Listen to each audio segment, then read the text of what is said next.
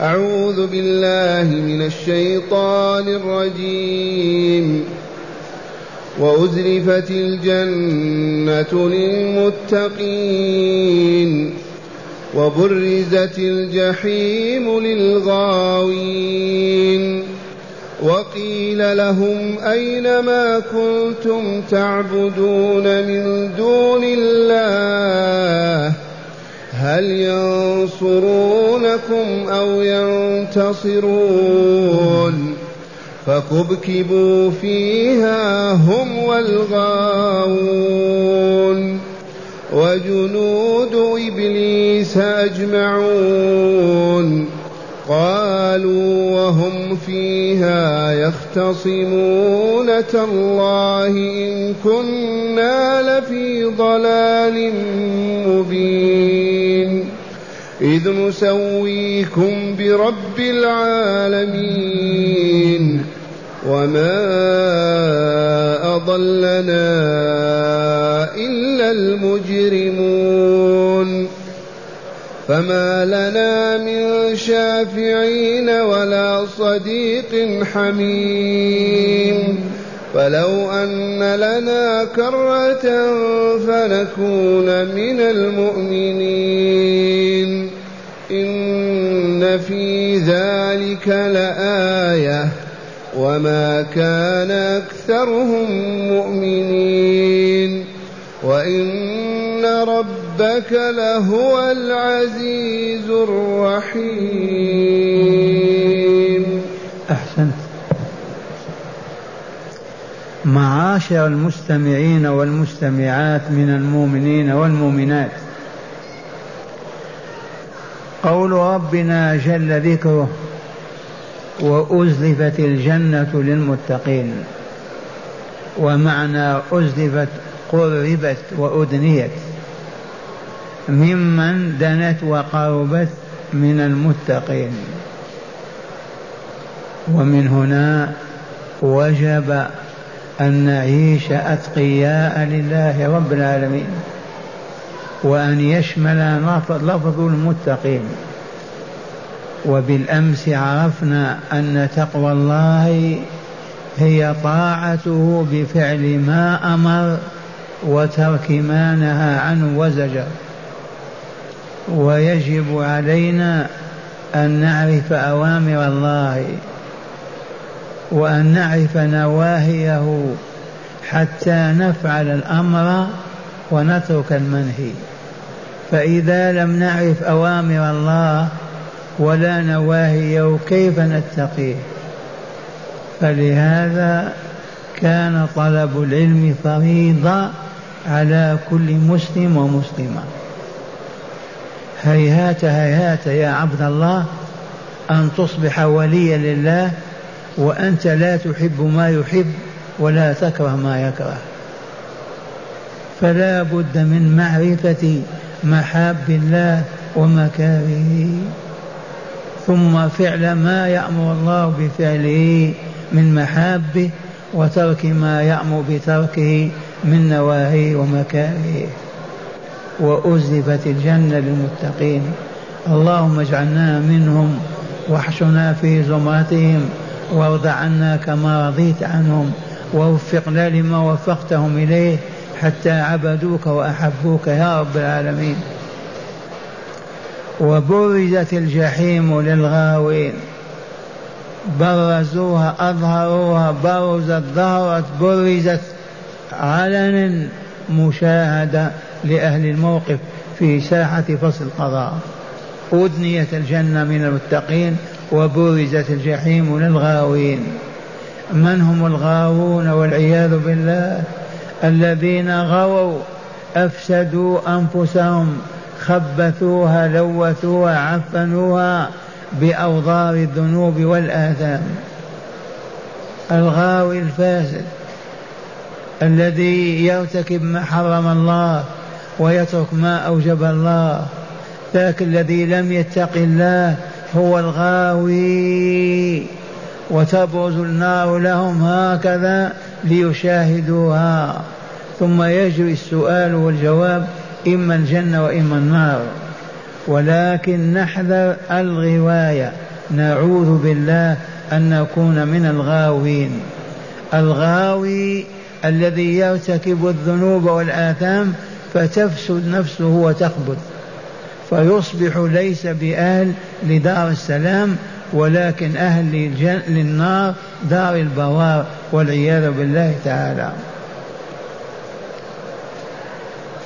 ويجري هذا السؤال والجواب في وسط الجحيم إذ قال تعالى وقيل لهم أي لأهل الجحيم الذين برزت لهم ودخلوها وهم وهم الغاوون. وهم الغاوون. قيل لهم ما كنتم تعبدون؟ أين ما كنتم تعبدون؟ أين آلهتكم التي كنتم تعبدون؟ لا وجود لها في جهنم لأن من عبدوا عيسى وأمه. عيسى لا يوجد في جهنم وأمه لا توجد في جهنم. من عبد الأنبياء من عبد الملائكة ككثير من العرب عبدوا الملائكة. هل يجدون الملائكة في النار؟ أين ما كنتم تعبدون من دون الله؟ هذا الاستفهام للتحدي والإذلال والتصغير والاحتكار. هذا وحده عذاب كافي.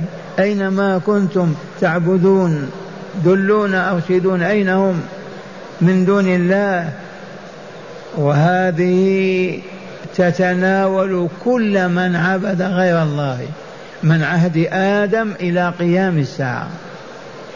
كل من عبد غير الله بنوع من أنواع العبادات وتعبده بها إلا ويسأل هذا السؤال. أين ما كنتم تعبدون من دون الله؟ دلونا أرشدونا بينوا لهم لنا. ثم يقول تعالى لهم هل ينصرونكم أو ينتصرون لأنفسهم؟ لا والله لا ذا ولا ذاك لا ينصرونكم ولا ينتصرون لأنفسهم. فالذين عبدوا الشياطين وعبدوا الأشجار والأحجار والأصنام هل هذه تنفعهم؟ لا تنصرهم ولا تنصر نفسها. هل ينصرونكم أو ينتصرون؟ والله لا ذا ولا ذاك. ثم قال تعالى فكبكبوا.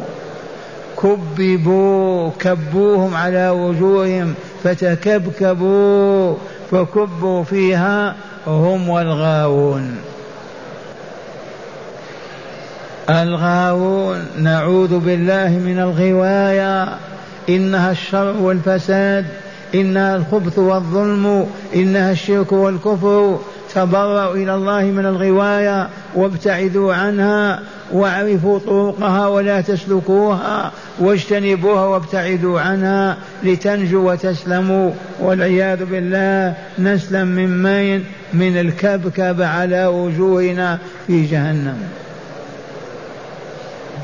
فكبكبوا فيها هم والغاوون وجنود إبليس أجمعون. إبليس تعرفون عنه مخلوق خلقه الله عز وجل ثم أمره فلم يمتثل أمره فأبلسه مسخه ومسحه من كل خير. إبليس مخلوق من المخلوقات. أمره الله أن يسجد لآدم فتكبر. ورفع رأسه وقال كيف أسجد لآدم مخلوق من طين وأنا أفضل منه مخلوق من النار.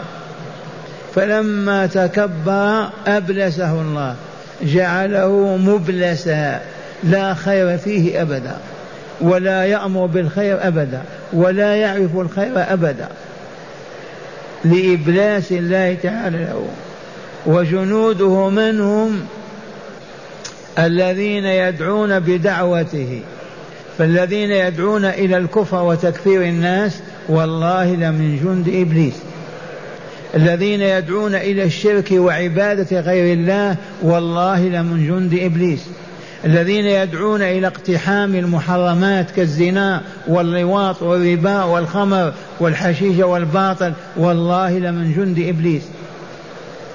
كل من يأمر بمعصية الله عز وجل بترك طاعته في الواجبات وارتكاب المنهيات هو من جند إبليس. وجند إبليس لا حد له ولا عد. فنبرأ إلى الله أن نكون منهم. فلهذا ما نأمر بمعصية الله ابدا لا بترك واجب ولا بفعل حرام. وبذلك لن نكون من جنده أبدا بل نكون من أعدائه. فالذين يأمرون بالشر يأمرون بالخبث بالفساد بالظلم في الأرض بالشرك بالكفر والله لهم جند إبليس. يفعلون ما يفعل ويعملون ما يعمل وهم جند له يستعين بهم على إضلال البشرية وإفسادها لتصبح مثله في جهنم. فكبكبوا فيها هم والغاوون وجنود إبليس أجمعون. هل يتخلف واحد من جند إبليس؟ الجواب لا. كلهم في جهنم. عرفتم جند إبليس اولا من ذريته ثانيا من الإنس والجن. كل من عبد إبليس وأطاعه واستجاب له فهو من جنده. ومن هنا كل من يامر بمنكر وينهى عن معروف هو جند إبليس ومن جنده. فلهذا نبر إلى الله من ذلك. لا نامر بمنكر ولا ننهى عن معروف. ثم قال تعالى قالوا وهم فيها يختصمون. اسمعوا هذا الحديث الذي جرى بينهم في جهنم. كيف يبلغون هذا لولا الوحي الإلهي؟ من كان هناك وسمعهم يقولون. وقد علمه الله وكتبه ازلا ووالله ليقولونه وهيا نسمعه بآذاننا. قالوا وهم فيها يختصمون. ماذا قالوا؟ تالله إن كنا لفي ضلال مبين. حلفوا بالله وأقسموا به أنهم كانوا في الضلال البين الواضح المبين. ما هذا الضلال المبين؟ الفسق الفجور الكفر الشرك اعتقاد الباطل العمل بالباطل كل ذلك ضلال. كل ما لا يقودك إلى الجنة. ويهديك إلى طريقها فهو ضلال. وما هما إلا طريقان فقط. صراط الله المستقيم وصراط الشيطان المعوج المنحرف. فمن سلك سبيل الله نجا ومن سلك سبيل الشيطان غوي وفسد وهلك. تالله ما حلفوا باللات ولا بالعزى ولا بعيسى ولا بمريم ولا عبد القادر ولا ولا حلفوا فقط بالله عز وجل. كانوا في الدنيا يحلفون بآلهتهم.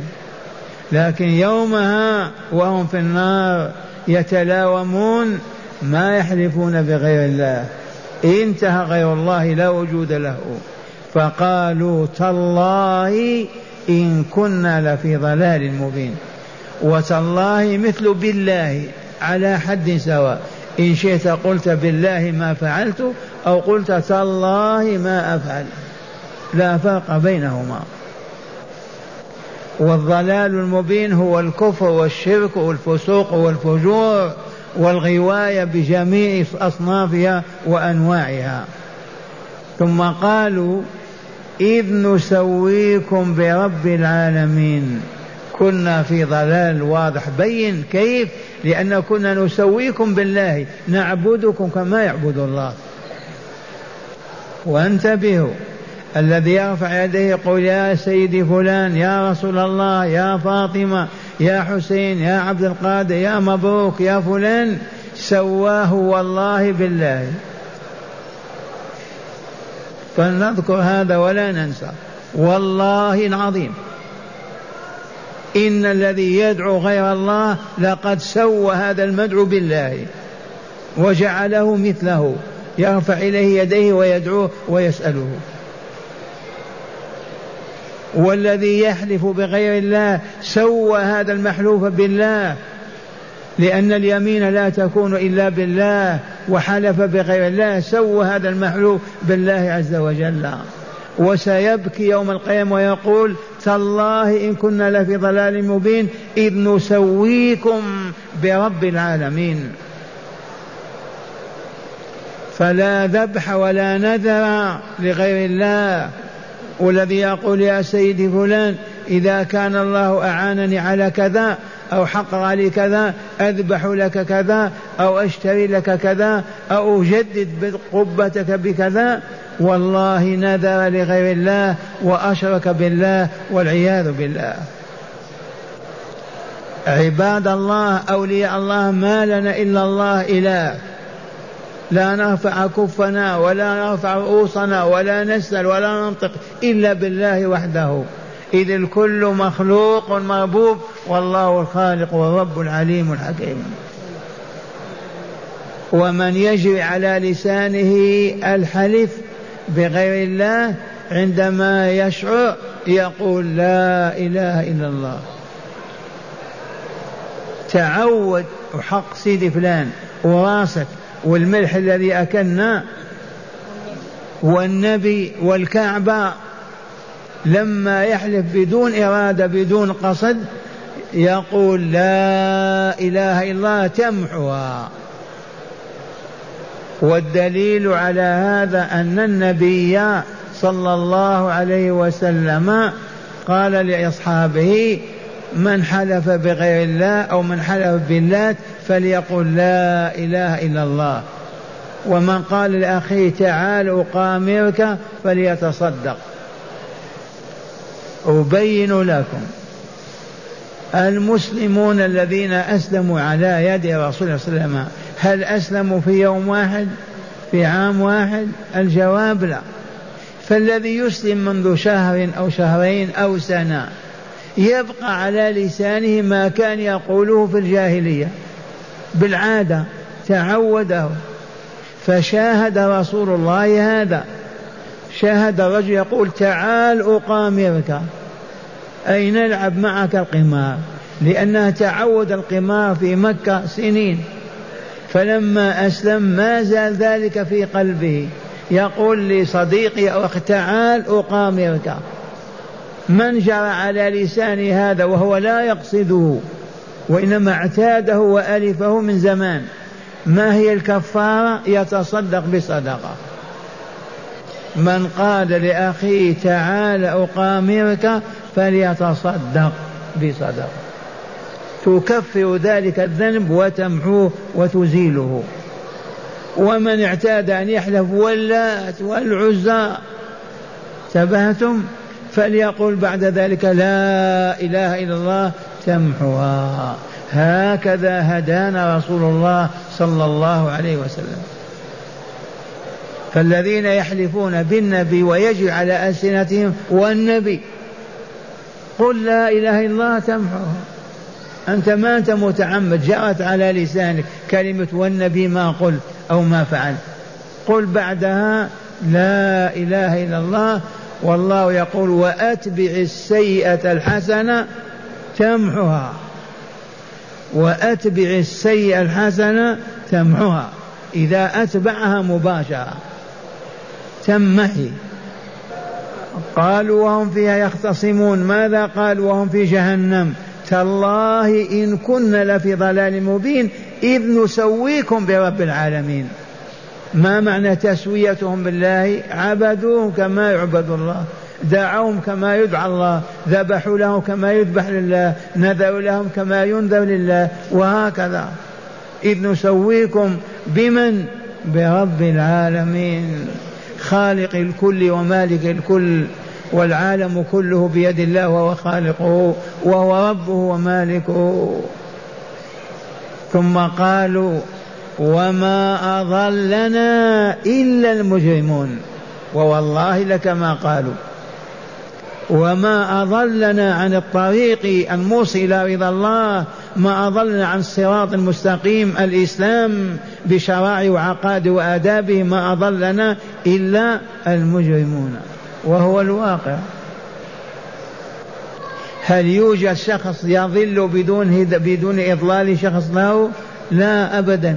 لا بد وأن يزين له الباطل يحسن له القبيح يدعوه إلى المنكر يشجع على الكفر على الفسق على الفجور حتى يفعل. هذا الذي يدعو إلى الباطل والشر والفساد ضال ولا مهتدي؟ ضال. لو اهتدى ما يفعل هذا. فلهذا نحذر أن نسلك مسالك الضلال. ما نفتح في بلد إسلامي مخمرة نقدم الناس الخمر يشربوه. وإلا دعونا إلى الضلال ما نفتح في. في بيت من بيوت الله مكان ندعو فيه غير الله عز وجل بدعوة تبرك وما إلى ذلك.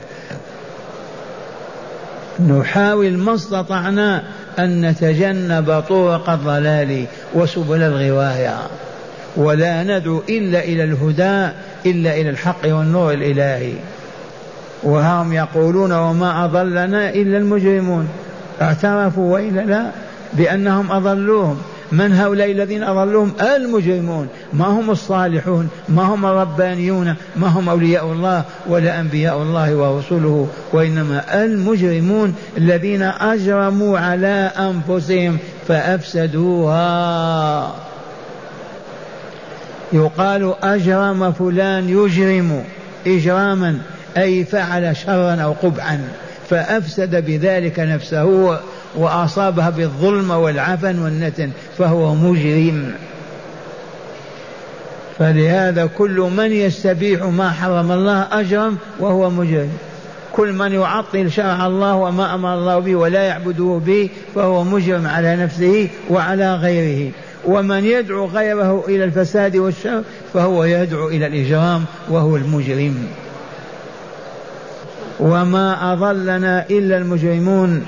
ثم قالوا فما لنا من شافعين ولا صديق حميم. ما لنا من يشفع فينا لا من الملائكة ولا من الأنبياء ولا من الأولياء ولا من صالح عباد الله. ما لنا من شافعين وهم في جهنم. من يشفع لهم؟ وهذه حقيقة ما ننساها أبدا. وهي أن من مات على الكفر أو الشرك لا يشفع له أبدا ولا تقبل شفاعة أحد له. فلهذا أهل الإيمان والتوحيد إن زلت أقدامهم ووقع منهم سوء واستوجبوا بذلك النار يشفع لهم رسول الله صلى الله عليه وسلم. يشفع المؤمنون لبعضهم البعض وتقبل شفاعتهم. أما أهل الكفر والشرك والعياذ بالله فإن الجنة محرمة عليهم لا يدخلونها أبدا فلا تقبل شفاعة شافع فيهم أبدا ولا تقبل لهم شفاعة. وها هم أولئك يقولون فما لنا من شافعين. إي والله ما لهم من شافعين ولا صديق حميم ينصرنا وننتصر به أبدا. فقدوا كل صله بالدنيا وبمن كانوا معهم. وأصبحوا في عقر جهنم. من يشفع لهم؟ من يأتي من الأصدقاء يخرجهم من النار. من يأتي من الأحماء يحميهم من النار وينقذهم؟ لا أحد. هذا كلامهم قرره الله وأثبته. فما لنا من شافعين ولا صديق حميم. مرة ثانية المؤمنون الصالحون يشفع الله بعضهم بعضا. عرفتم؟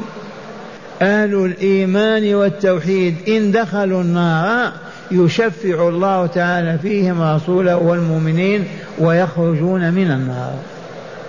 أهل الشرك والكفر إذا دخلوا جهنم ولا مصير لهم إلهية والله لا يشفع لهم شافع ولا يخرجهم من النار أحد. واسمعوا قول الله تعالى إن الله لا يغفر أن يشرك به ويغفر ما دون ذلك لمن يشاء. واضح هذا الخبر وإلا لا؟ إن الله لا يغفر أن يشرك به ويغفر ما دون الشرك لمن يشاء.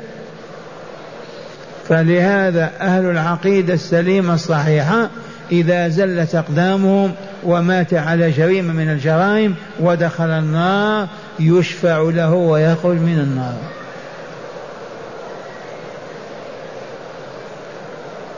ما لنا من شافعين ولا صديق حميم ثم قالوا فلو أن لنا كرة. رجعا إلى الدنيا. آه لو نعود إلى الدنيا لعبدنا الله وحده. لما أشركنا به سواه لما فجرنا ولما غوينا ولما ارتكبنا ما حرم علينا أبدا. آه لو أن لنا كرة. فنكون من المؤمنين. فنكون من المؤمنين. عرفوا أن المؤمنين لا يدخلون جهنم ولا يخلدون فيها. وجدوا أنفسهم وحدهم كل مؤمن لا وجود له. فتمنوا أن لو أعادهم الله إلى الحياة الدنيا وأعاد لهم يؤمنون ويوحدون ولا يعبدون غير الله ولا يشركون بالله أبدا. ولكن هل يستجاب لهم هذا؟ أخبر تعالى أنه لو أعادهم لعادوا إلى الكفر.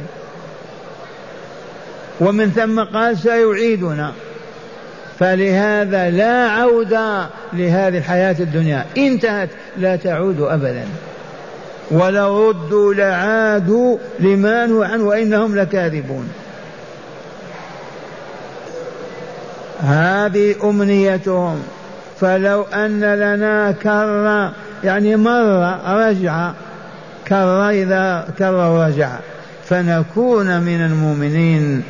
ثم ختم تعالى قصة الخليل إبراهيم بقوله إن في ذلك لآية. إن في هذا القصص الذي قص تعالى إن في هذه الأخبار الإلهية هذه الأحكام الربانية آية أعظم آية تدل على أنه لا إله إلا الله وأن محمدا رسول الله وأن الدار الآخرة حق وأن الجزاء على الكسب في الدنيا لا يتم إلا فيها. نعم آية وإلا لا. هذا القصص من يعرفه؟ من يقصه؟ إذا الله هو الذي قصه والله موجود عليم حكيم. المقصوص عنه من هو؟ أليس رسولا؟ أيضا محمد رسول الله. هذا القصص كله يدعونا إلى عبادة الله لننجو من سخطه وغضبه وعذابه في الدار الآخرة. وهذه لطيفة نكررها. لو سئل أحدكم معشر المؤمنين ما الحكمة في هذه الحياة الدنيا؟ ما العلة في وجودها؟ لماذا أوجدها الله؟ الجواب بلا تردد. أراد الله تعالى أن يذكر ويشكر فخلق هذه الحياة لأجل أن يذكر فيها ويشكر.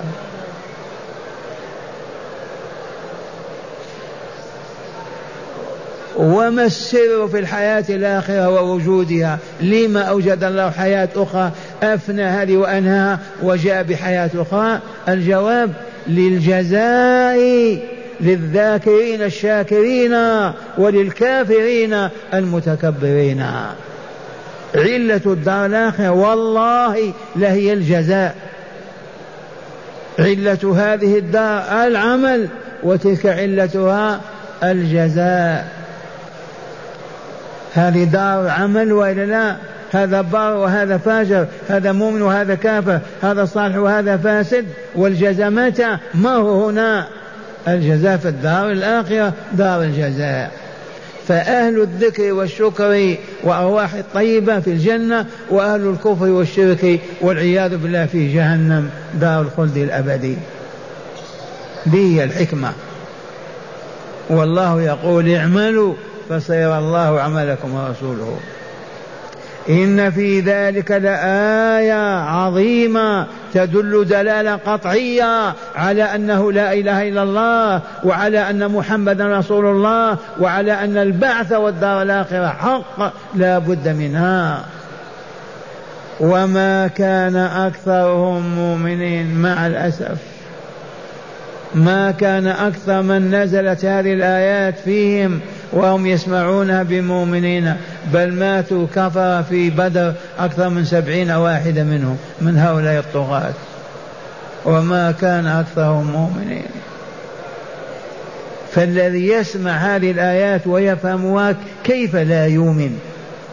ولكن إذا كتب الله أزلا أنه لا يؤمن ما يؤمن.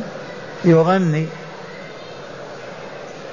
وإن ربك يا رسول الله يا نبي الله لهو العزيز الغالب الذي لا يغلب القاهر الذي لا يقهر العزيز الذي لا يمانع في شيء يريده أبدا. فلهذا سيذل أعداءه ويخلدهم في جهنم. والرحيم بأوليائه. العبد المؤمن إذا أذنب ذنبا ومات بدون توبة يرحمه الله ويخرجه من النار أو لا يدخله إياها. وذلك لصفاء روحه وطهارة قلبه. لأن الله عزيز رحيم. والآن أسمعكم شرح الآيات وتأملوها. زادني الله وإياكم علما ومعرفة. قوله تعالى فكبكبوا. بعد ذلك الاستفهام التوبيخي التوبيخ التقريعي الذي تقدم في قوله تعالى وقيل لهم أين ما كنتم تعبدون من دون الله؟ هل ينصرونكم أو ينتصرون؟ وفشلوا في الجواب ولم يجدوه إذ هو غير ممكن. فأخبر تعالى عنهم بأنهم كبكبوا في جهنم أي كبوا على وجوههم ودحرجوا فيها هم هم والغاوون. جمع جمع الغاوون جمع غاوي أي فاسد العقيدة والعمل. وجنود إبليس أجمعون من أتباع الشيطان وأعوانه من دعاة الشرك ودعاة المعاصي ودعاة الجريمة في الأرض من الإث من الإنس والجن. قوله تعالى قالوا قالوا وهم فيها يختصمون أي وهم في جهنم يختصمون.